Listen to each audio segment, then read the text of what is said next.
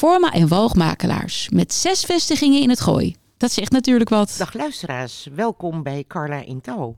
Vandaag hebben we een muziekartiest uitgenodigd. Van harte welkom Erna Hemming. Zangeres, docenten en dirigente. Erna, van harte welkom. Nou, dankjewel. Uh, als je groot aan het worden bent, spiegel je je aan je ouders. Nou ja, laat mij raden. Jouw ouders hielden van muziek, waren in ieder geval heel muzikaal? Ja, mijn beide ouders hielden heel veel van muziek, houden nog steeds van muziek. En met name eigenlijk um, de klassieke muziek. Mijn vader had wel een hele brede smaak, moet ik zeggen. Dus um, van hem heb ik de liefde voor klassiek meegekregen, maar ook voor uh, moderne muziek en popmuziek. En mijn moeder was eigenlijk wel voornamelijk van de klassieke muziek. En zij zong in een koor, een oratoriumkoor. En wanneer is, is het bij jou wakker geworden, de voorkeur van klassieke muziek? Um, nou, ik werd natuurlijk wakker met muziek al vanaf dat ik heel klein was, schijnt. Want ik heb altijd gezongen.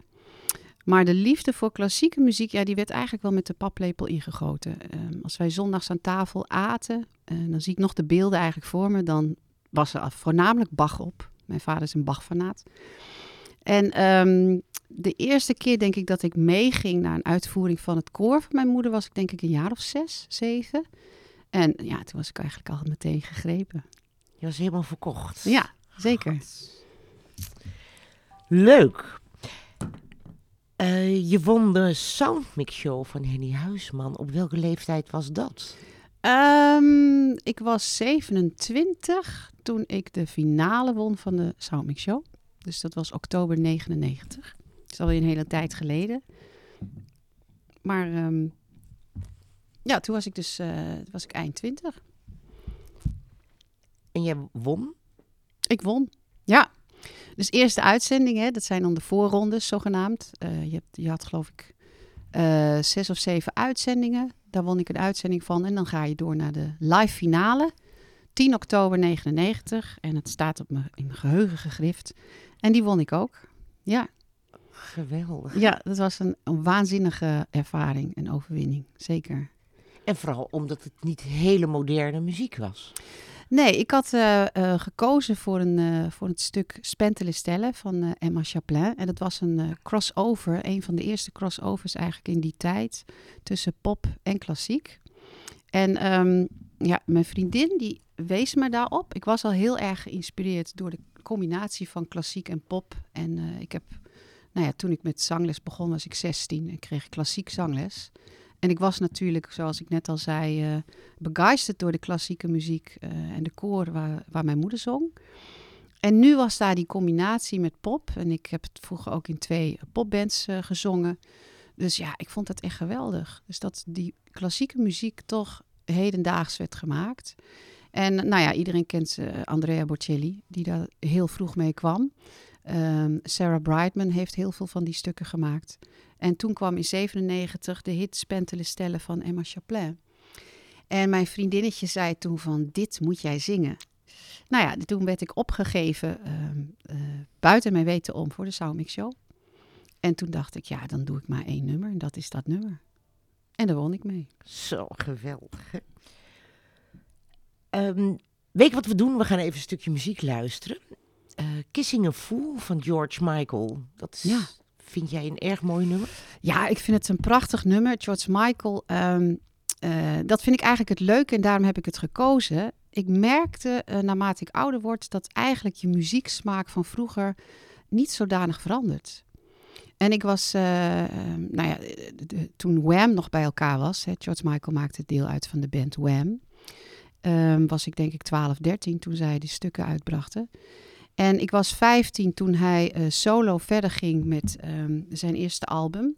En daar stond ook Kissing a Fool op. En ik vind dat Jesse-stuk zo mooi. Het bereik van hem in zijn stem tussen laag en hoog vind ik waanzinnig. De groove. Nou, het blijft gewoon een stuk wat ik nog steeds met zoveel liefde beluister. En dan denk je, ja, in feite word je qua muziek gewoon niet ouder. Nee. Dus daarom heb ik dat stuk gekozen. We gaan er naar luisteren. Kissing a Fool, George Michael.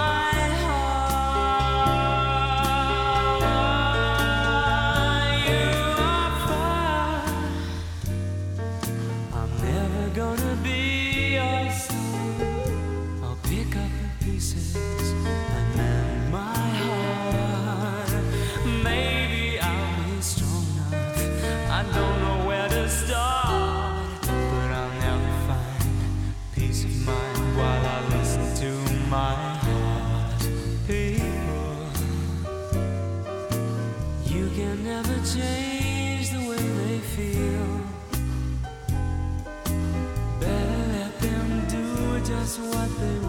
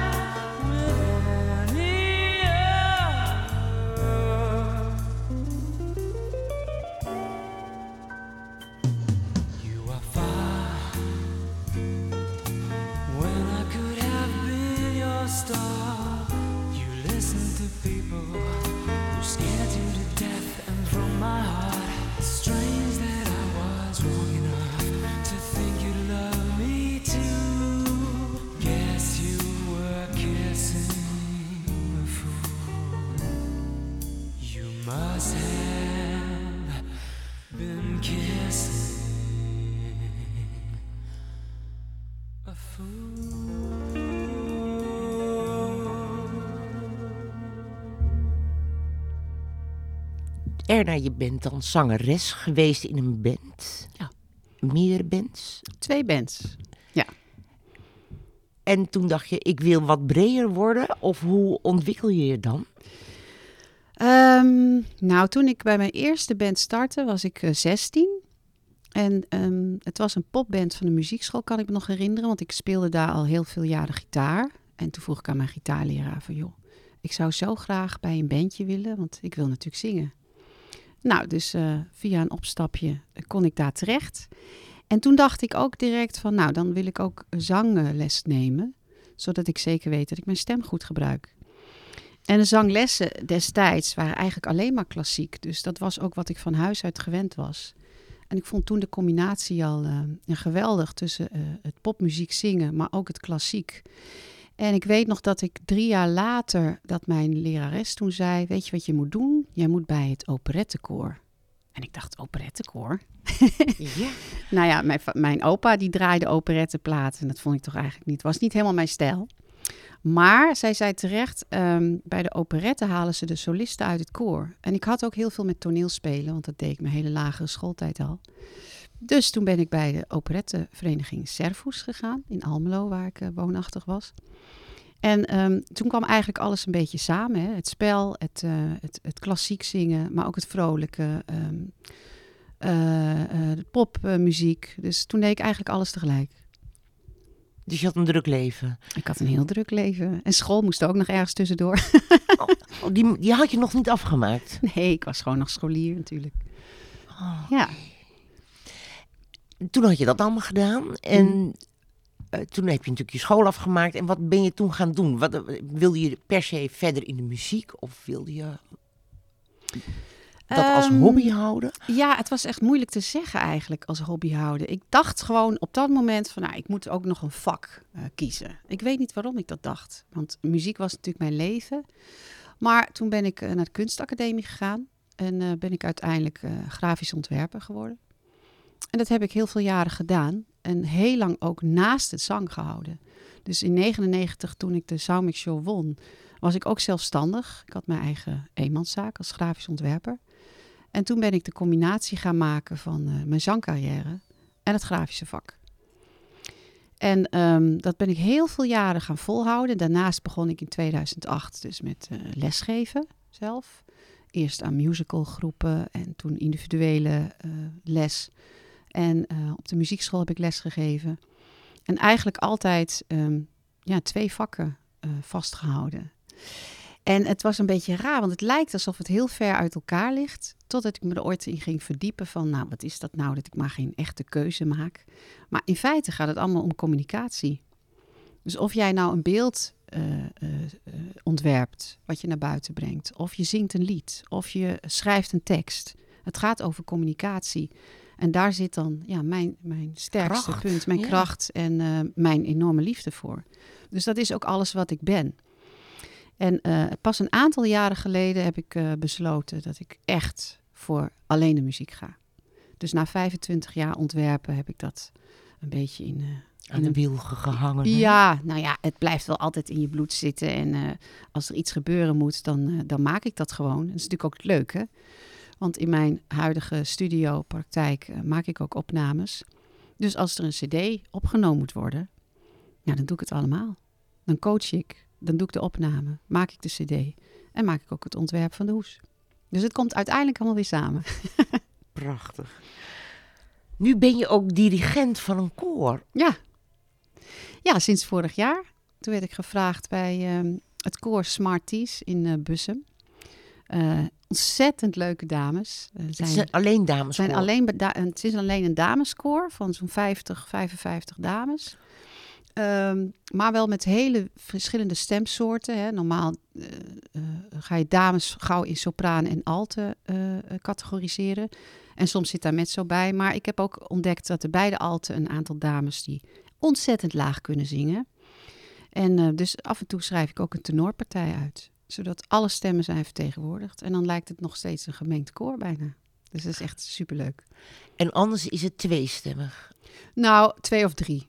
Tweestemmig is bijna nooit. Dan zit je bijna in een duet. Er is maar één stuk waar ik dat mee doe. Waar ik het arrangement voor maak. En dat is Calm After the Storm. Dat wil ik ook echt als een duet laten klinken met het hele koor.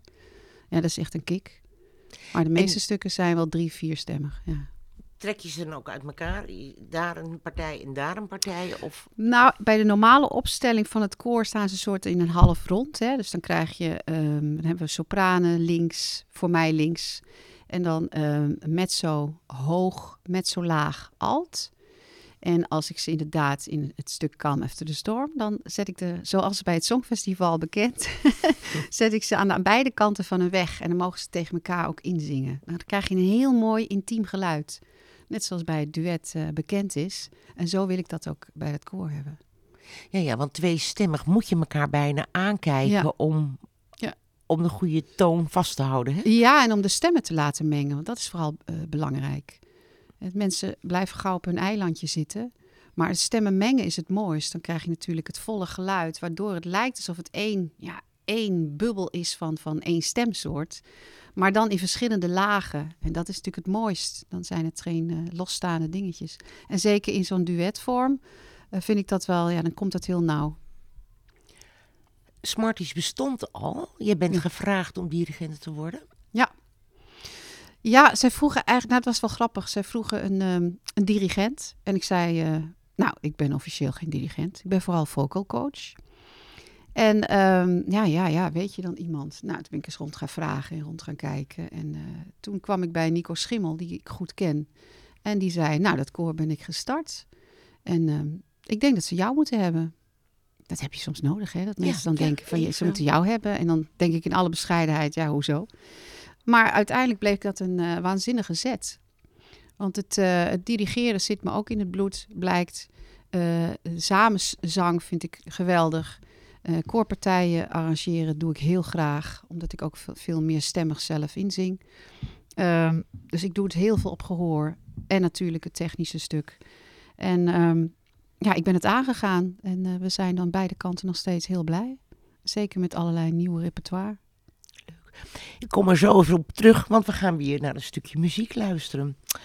Rinaldo van Hendel, Cicella Bartelli.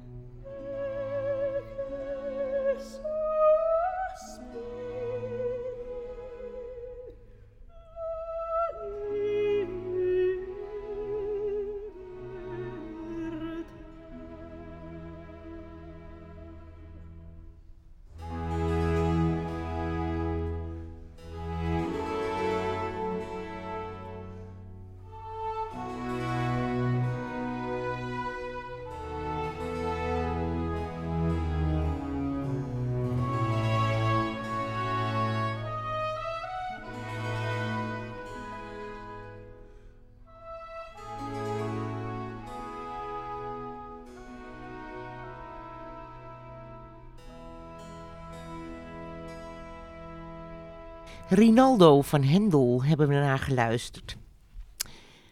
We hebben Erna, van Erna Hemming eh, als eh, muziekartiest.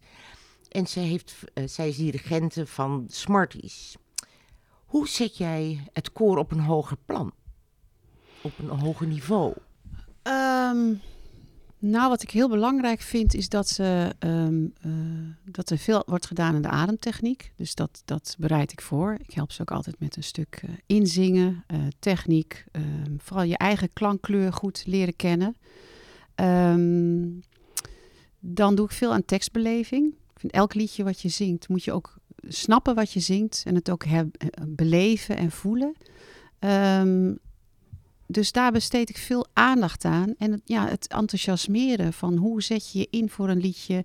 Hoe maak je het je eigen? Hoe luister je naar jezelf en naar de ander? Hoe articuleer je? Dus ja, eigenlijk op alle eh, aspecten waar het, eh, wat vocal coaching inhoudt, ehm, begeleid ik ze. Het moet een bezieling worden. Het moet een bezieling worden. Ze moeten er ook best wel wat voor doen. Ehm, ik ben niet zo van we zingen een beetje en dan is het ook wel gebeest. Ik eh, ja, besteed zelf veel aandacht aan de stukken die ik eh, voor ze arrangeer. En dan eh, zet ik ze ook thuis even aan de slag om te oefenen. Maar ik merk ook dat het enthousiasme dan steeds groter wordt. Want als de kwaliteit eh, hoger wordt, dan word je vanzelf ook blij. Dus het is een wisselwerking. En ik leg de lat altijd op een positieve manier hoog omdat mensen, zodra ze zeggen, oh, maar dat is te moeilijk, dat kan ik niet, dan ga ik graag de uitdaging met ze aan. Dus dan geef ik ze ook een Franse chanson. En dan schrijf ik de tekst fonetisch, zodat ze het eerst heel rustig kunnen spreken. En ik spreek het voor en dan doen ze het na. En Totdat het op een gegeven moment eh, vanzelf komt en een tongval eh, ja, eh, goed wordt geplaatst. En dan, dan snappen ze het. En dan wordt het steeds leuker. Ja, dat snap ik. Maak Ja. je alle arrangementen zelf? Ik maak ze zelf. En dat vind je prettig om met je eigen materiaal te werken? Ja, dus ik, ehm, eh, ik zoek bijvoorbeeld een stuk uit. En dat doe ik in samenspraak uiteraard met de repertoirecommissie. En dan eh, luister ik. En vaak hoor ik dan al wel een tweede stem of een derde stem. En dan ga ik die voor mezelf uitzoeken en eh, neem ik op. En dan krijgen zij de partijen op hun website in eh, wat ik totaal heb gemaakt. Zodat ze ook horen hoe het koor dan klinkt. Dan zing ik dat allemaal zelf in. En ik zing het per partij in, zodat ze dat voor zichzelf kunnen oefenen. En moeten zij zonder muzie- muziekboekje zingen? Ehm, bij sommige stukken zit wel de partituur. En bij andere stukken alleen voornamelijk de teksten. Zijn, maar er zijn niet zoveel mensen die echt noten kunnen lezen. En die dat wel prettig vinden, dan zet ik dat nog weer om op notenschrift. Maar het meeste gaat op gehoor. Ik werk met orkestbanden. En dan, ehm, ja, dan studeer ik dat eh, op maandagavond weer met ze in, per partij. Zijn het allemaal covers? Ja, dit zijn allemaal covers, ja. We hebben een hele brede repertoirelijst. Dus eigenlijk voor elk wat wil. Er zit Nederlandstalig bij, filmmuziek, jaren 60, jaren 70, hedendaagse muziek, Franse chansons. Nou, je kunt zo gek niet bedenken, volksliedjes. Dus ik heb ze gecategoriseerd, zodat je echt kan kiezen van... eh, nou, uit dat blokje pakken we dat en dat lied. Dat werkt fijn. En zo spreken ze bijna alle talen. Want Italiaans, heb je, die uitdaging al aangegaan? Nou, ik bouw het langzaam op. Maar ze hebben al wel een Zweeds stuk eh, in moeten studeren. Dat is dan ja, van- we, we slaan het Italiaans over. We gaan wel meteen naar het Zweeds.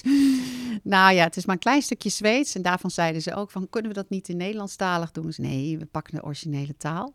En eh, dat is het stuk eh, Gabriella's Zang uit de film As It Is in Heaven.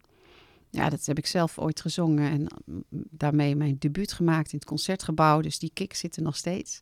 En ik heb eh, een leerling in mijn eigen studiopraktijk die dat zo mooi zingt. En eh, ik heb haar voor het koor gezet nu een paar keer. En het koor zingt het koorstuk en zij zingt het solistische gedeelte. En aan het eind gaan ze samen en is het eh, in Zweeds. Dus dat doet het koor geweldig. Maar ja, ook zo'n mevrouw die dan maar voor zo'n koor gaat staan. Ja, Is dat is toch- leuk. Dat is voor haar een kick. Ja, dat is voor haar ook een kick. Ja, in feite help je elkaar daarmee. Hè? Iedereen wordt daar blij van.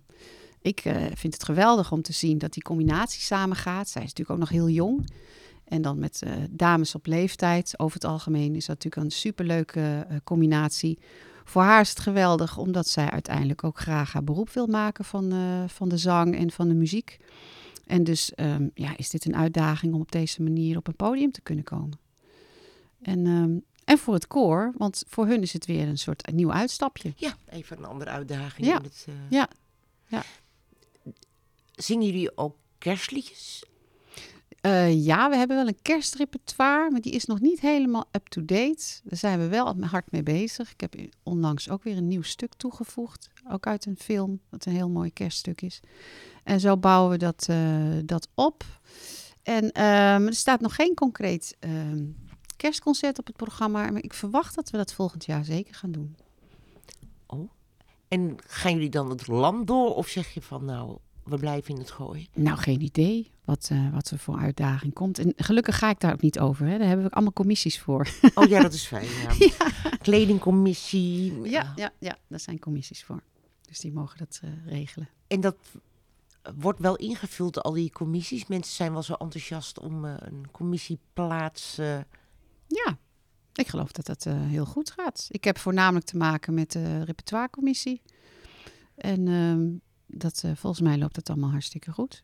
ja, dat is, nou ja, dat is heel fijn. Ja. Is het jouw uitdaging om ze op een dermate hoog plan te zetten... dat je echt wel het land door kan gaan? Ehm, als dat hun ambitie is, dan help ik daar graag aan mee. Ik wil nooit te vooruitstrevend zijn, want ehm, je hebt ook met mensen op leeftijd te maken. Hè. We hebben ook een paar 75 en 80-plussers zelfs. En het moet ook allemaal eh, voor iedereen leuk blijven en draaglijk. Ehm, maar ik probeer ze wel te enthousiasmeren dat ze een niveau bereiken van ze denken, nou, we kunnen nu overal gaan staan. Ja, natuurlijk, dan zou ik het zeker aangaan. En ja, iedereen weet gewoon, zingen en muziek houdt jong. Dus daarom blijven die mensen ook op die leeftijd bij het koor. En tot wanneer blijft je stem vers? Oh, dat is echt heel wisselend. Kijk, ehm, geoefende zangstemmen en professionals kunnen soms heel erg lang mee. Maar door allerlei omstandigheden kan het ook zijn dat je stem het op een gegeven moment eh, niet meer zo mooi doet. Ehm, dus ik kan er heel weinig van zeggen. Mijn eigen lieve zangcoach eh, van vroeger is inmiddels 93 en haar stem gaat nog steeds supergoed mee. Zo. Ja, ik weet nog dat ze 90 werd en een feest hield. En eh daar trad ze zelf op. En haar begeleider was 91, dus het was een waanzinnig ach, duo. Geestig. Ja, het was heel mooi om te zien. Maar ook niet geestig in de zin dat het eh, lieflijk of, of eh, hè, aandoenlijk wordt. Maar gewoon zoals zij altijd gezongen heeft. Zo Er klonk staat het ook. wat. Er staat echt wat. Dus ja, dat is een voorbeeld. Dat is waanzinnig. En dat, eh, dat heb je niet allemaal in de hand natuurlijk. Je gezondheid heb je niet altijd in de hand. Dus ook niet je stemkwaliteit. Maar je kan er wel veel voor doen en blijven oefenen. Op het moment dat, ja, dat is natuurlijk net als met autorijden. Dan denk je dat je het nog heel leuk kan, maar je wordt een gevaar op de weg. Is dat met zingen ook zo? Zou je dan zeggen van, nou mevrouw, misschien moet u eens een andere hobby gaan zoeken? Ehm, ik ben blij dat ik nou niet voor die keuze hoef te staan. Ik zou bijna nooit iemand zomaar willen weigeren. Ik ben van mening dat. Nou, ik vind sowieso eh, dat eigenlijk iedereen zou moeten zingen. Dat vooropgesteld. En er zijn heel veel mensen die zeggen: ik kan niet zingen. Daar geloof ik niet zo in. En daar is nu ook veel onderzoek naar gedaan. Ik heb onlangs een eh, hele interessante podcast geluisterd. En eh, mevrouw, professor Gwen van Nuffelen van de Universiteit Antwerpen, die legt helemaal uit dat haar onderzoek, waar eh, gekeken wordt naar hè, of zingen gelukkiger maakt, wat ook zo is. Maar ook gekeken naar hoe zit dat nou eigenlijk theoretisch, hè, anatomisch gezien. Is iedereen in staat om te zingen? En of het geluid dan altijd zo wenselijk is voor je omgeving, dat moet dan eigenlijk niet zoveel uitmaken. Als het jou plezier geeft, dan moet je het zeker doen. En als je denkt van nou, ik wil daar wel eens wat mee doen. Of kijken of er verbeteringen kan zitten. Ja, dan, zou ik, eh, dan moet je een goede zangcoach zoeken.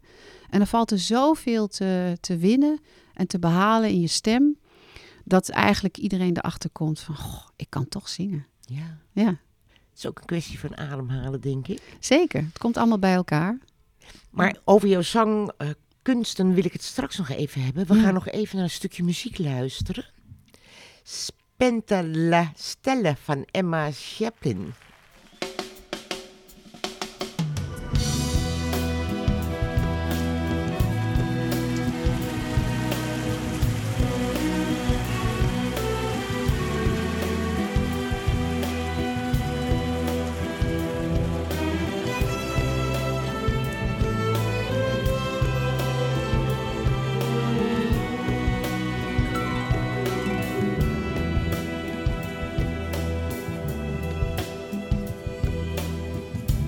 Quel cor perdesti per un miraggio.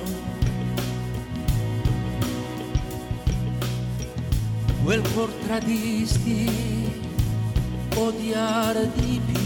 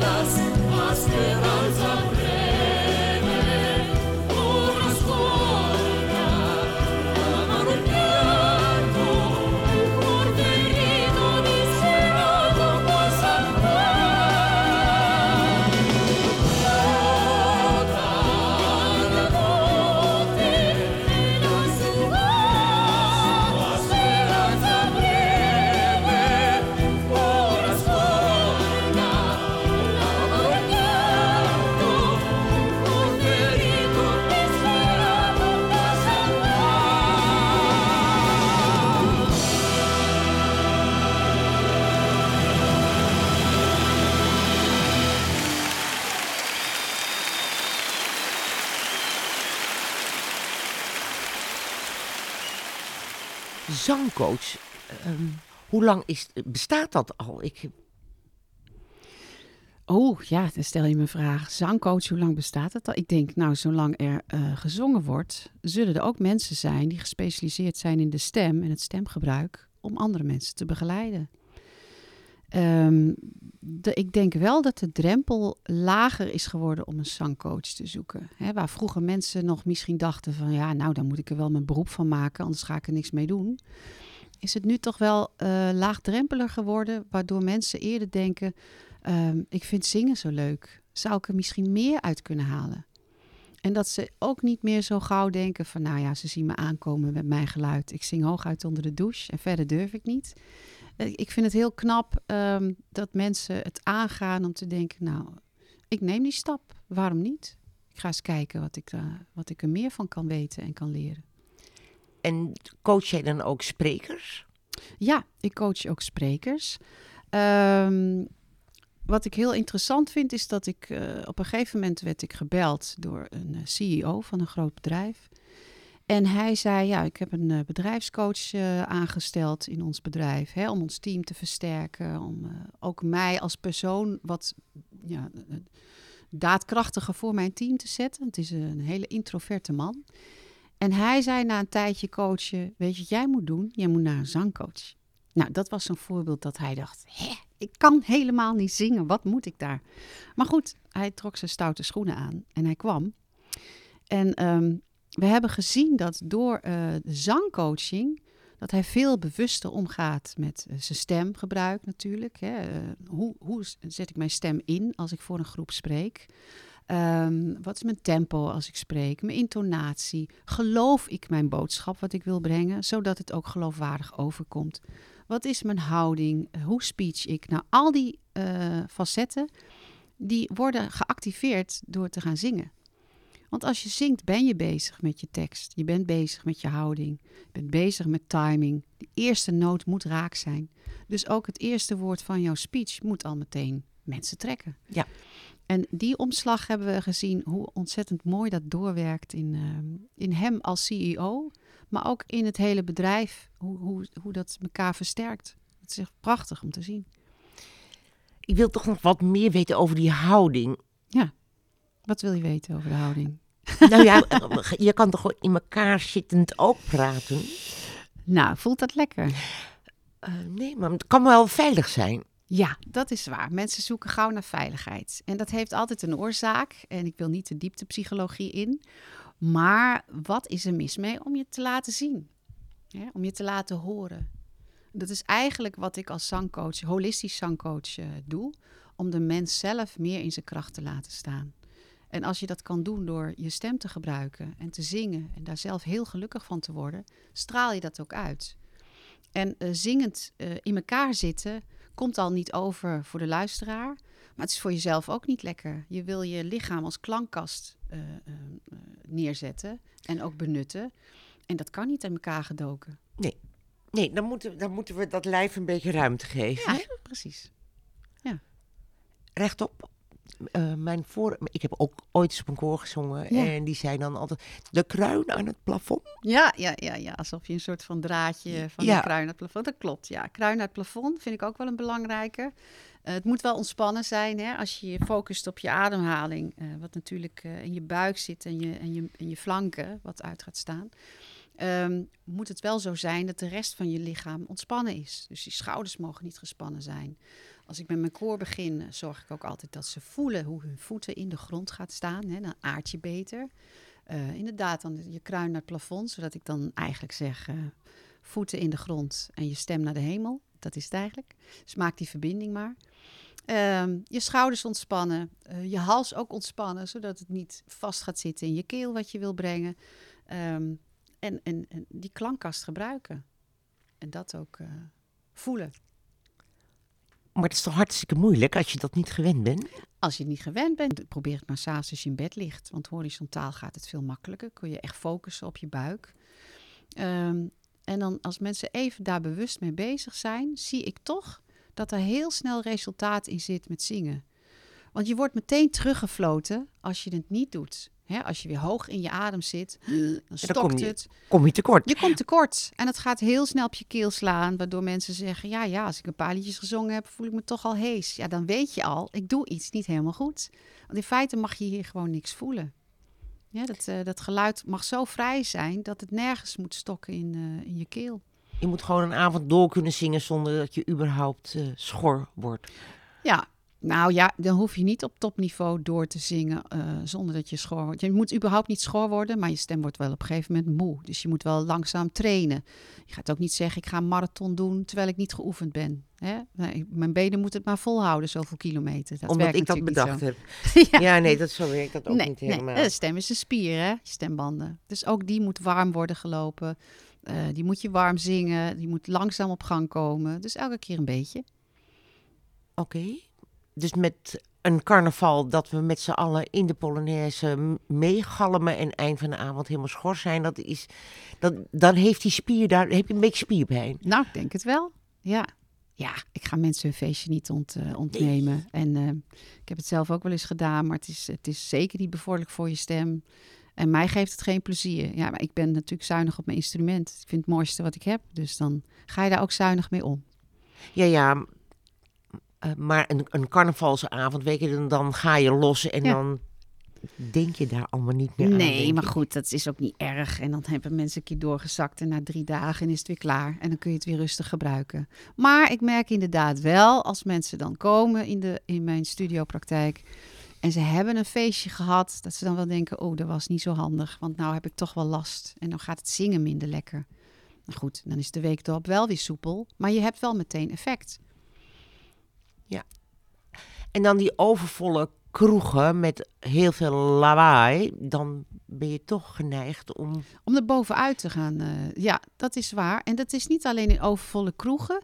Ehm, dat zie je bijvoorbeeld ook in koren. Hè? Als mensen zo proberen eh, zichzelf boven het koorgeluid eh, te willen laten horen, dan gaat het ook mis. En ik coach nu een aantal mensen individueel vanuit het koor. En leer ik ze dus nog ja, op individuele manier eh, hoe ze beter met hun stem om kunnen gaan. En dat het dus niet belangrijk is om tegen iedereen maar in te zingen. Maar dat juist als je gewoon je klank mooi openzet en je juiste techniek gebruikt, dat dan de massa het wel doorneemt. Dus je bent ook bewuster van je eigen klank. Hè, mensen proberen vaak te refereren aan wat ze om, om zich heen horen en maken geen contact met hun eigen klank. En dat moet eigenlijk eerst. Want dan zit je veel meer in je, in je comfortzone. Van nou, ik weet wat ik kan en wat mijn volume is. Dus ik hoef niet zo nodig te luisteren wat er allemaal om me heen gebeurt. Tuurlijk mengt zich dat wel. Maar het is vooral belangrijk je eigen klankkleur te kennen. Te voelen van wat doe ik, zodat ik zeker weet dat ik het goed gebruik. En ik hoef niet harder dan hard. Dat is niet nodig. klankkleur. Hebben al, alle alten dezelfde klankkleur? Nee, zeker niet. Er zijn eh, ook binnen de alten, eh, kijk, het is een soort van eh, bereik hè, van je stem wat je, wat je hebt. En de ene klankkleur is veel lichter en, en, en, en ja, de andere is veel warmer en voller en, en lager. Dus ook daarbinnen zit natuurlijk verschil. Want je hebt ook met het timbre te maken van, eh, van iemands stem. Ehm, maar dat, dat, dat vind ik nou juist het mooie, dat je verschillende klankkleuren hebt binnen een stempartij, binnen een stemsoort. Dat kan gewoon. En dan kunnen Ja. we gewoon met z'n allen... Ja, dat is natuurlijk prachtig. Anders zou een klankkleur, eh, als iedereen dezelfde klankkleur zou hebben, zou je geen koor hoeven vormen, want dan wordt het één iel geluid. Nee, nee, maar ik dacht de, de, sopranen een eh, kleurtje en de alten een kleurtje. Oh ja, ja. ja. Maar nee, is we hebben dus- natuurlijk zoveel kleuren binnen eh, een sopranenpartij en binnen de alte. Ja, want elk mens heeft natuurlijk zijn eigen unieke klank en zijn eigen unieke stem. En die, die zet je allemaal bij elkaar. Hoe mooi is dat? Ja. En dan komt er ook nog wat moois uit. Ja, zeker. De ademhaling. Mhm. Hoe belangrijk is überhaupt het ademhalen? Ook als we niet zingen. Eh, heel belangrijk. Ehm, goed ademen en ook rustig en diep in- en uitademen zorgt ervoor dat, dat je voldoende zuurstof eigenlijk tot je neemt, tot in al je cellen. Dus als mensen heel oppervlakkig ademhalen, dan komt de zuurstof niet overal waar het moet komen. Dus uiteindelijk kan het ook zijn dat je organen uitputten of dat, gewoon, ja, dat, dat het niet genoeg meer doorbloed is of, eh, van zuurstof voorzien. En eh, ademhaling helpt je ook om gewoon volledig te ontspannen. Hè? Als je in de stress schiet, weet je ook dat je ademhaling heel hoog en oppervlakkig wordt. Het is gewoon niet lekker. Dus hoe rustiger je bent en hoe meer je focust op je ademhaling, des te meer je jezelf in balans voelt en, eh, en tot rust komt. Dus eigenlijk komt het alles te goede. In balans zijn. Ja. Ja, heel veel mensen zijn of raken burn-out. Het is, ja, de laatste tijd. Ik weet niet hoe dat, waarom dat precies is, maar dat is ook niet zo heel erg belangrijk. Maar hoe kan jij ze weer in hun kracht zetten?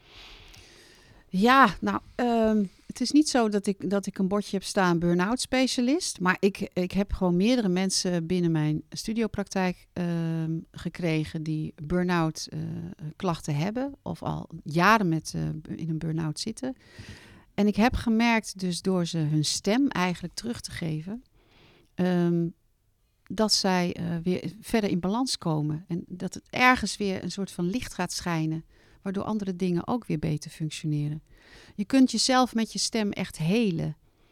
Als jij eh, plezier beleeft aan wat je doet en wat je eh, zingt, en je hoort je eigen klank, je eigen boodschap, en dat doet het toe voor jou, ja, dan gaat alles om jou heen gewoon weer mee in een, in een bepaalde flow. Dus ehm, ik heb mensen eh, inderdaad uit dat hoofd gekregen. En door je zingen kom je weer bij je gevoel. En dat is natuurlijk wat op een gegeven moment afgesloten wordt. Waardoor je met depressieve of met burn-out klachten komt.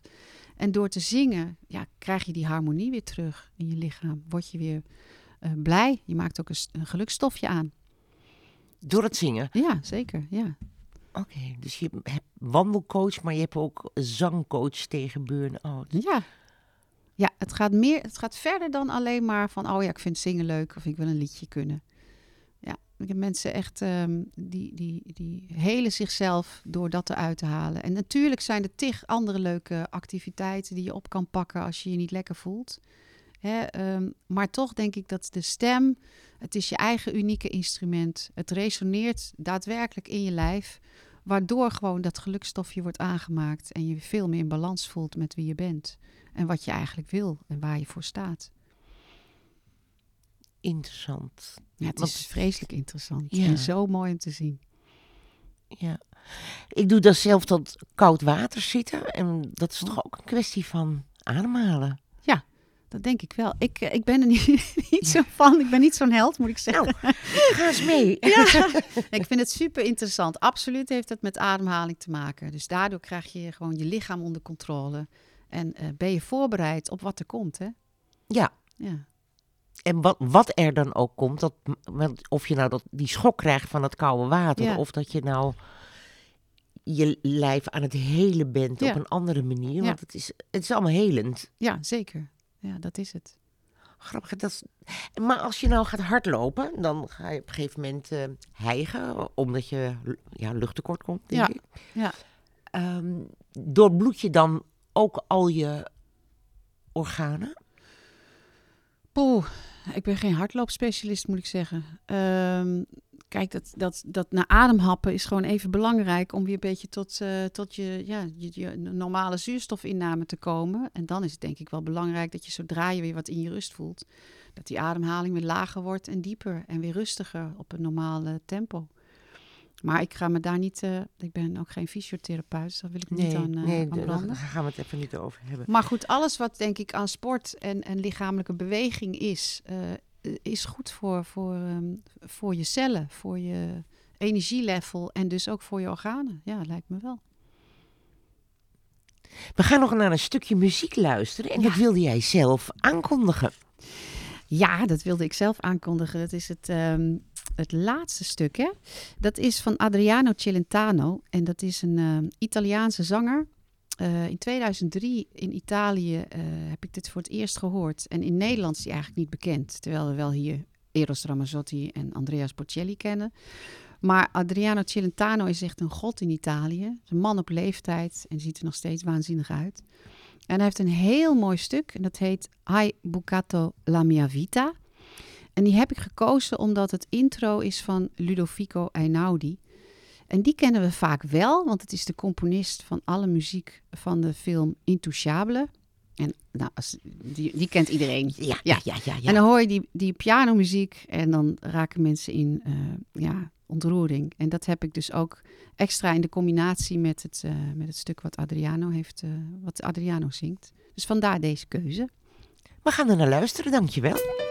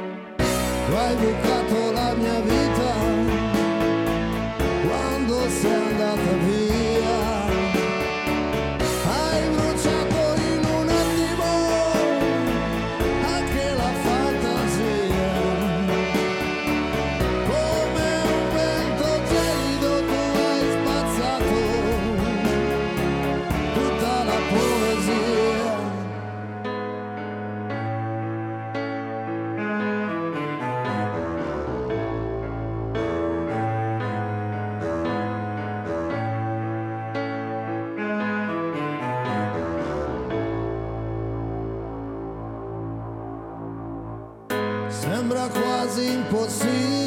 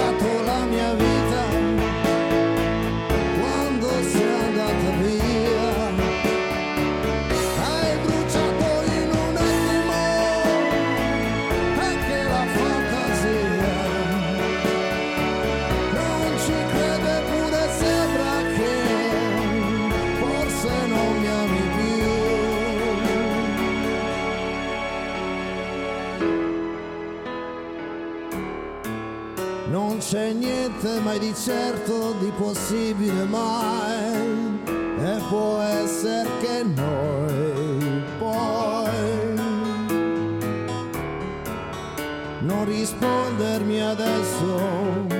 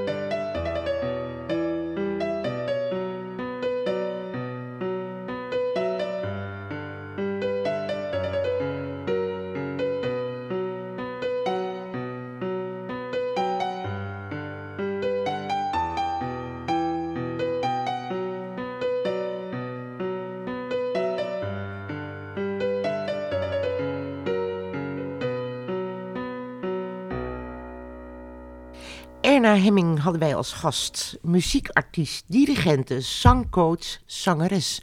Dankjewel voor dit interview. Heel graag gedaan. Dankjewel voor de uitnodiging, Carla. Heel veel succes met je programma.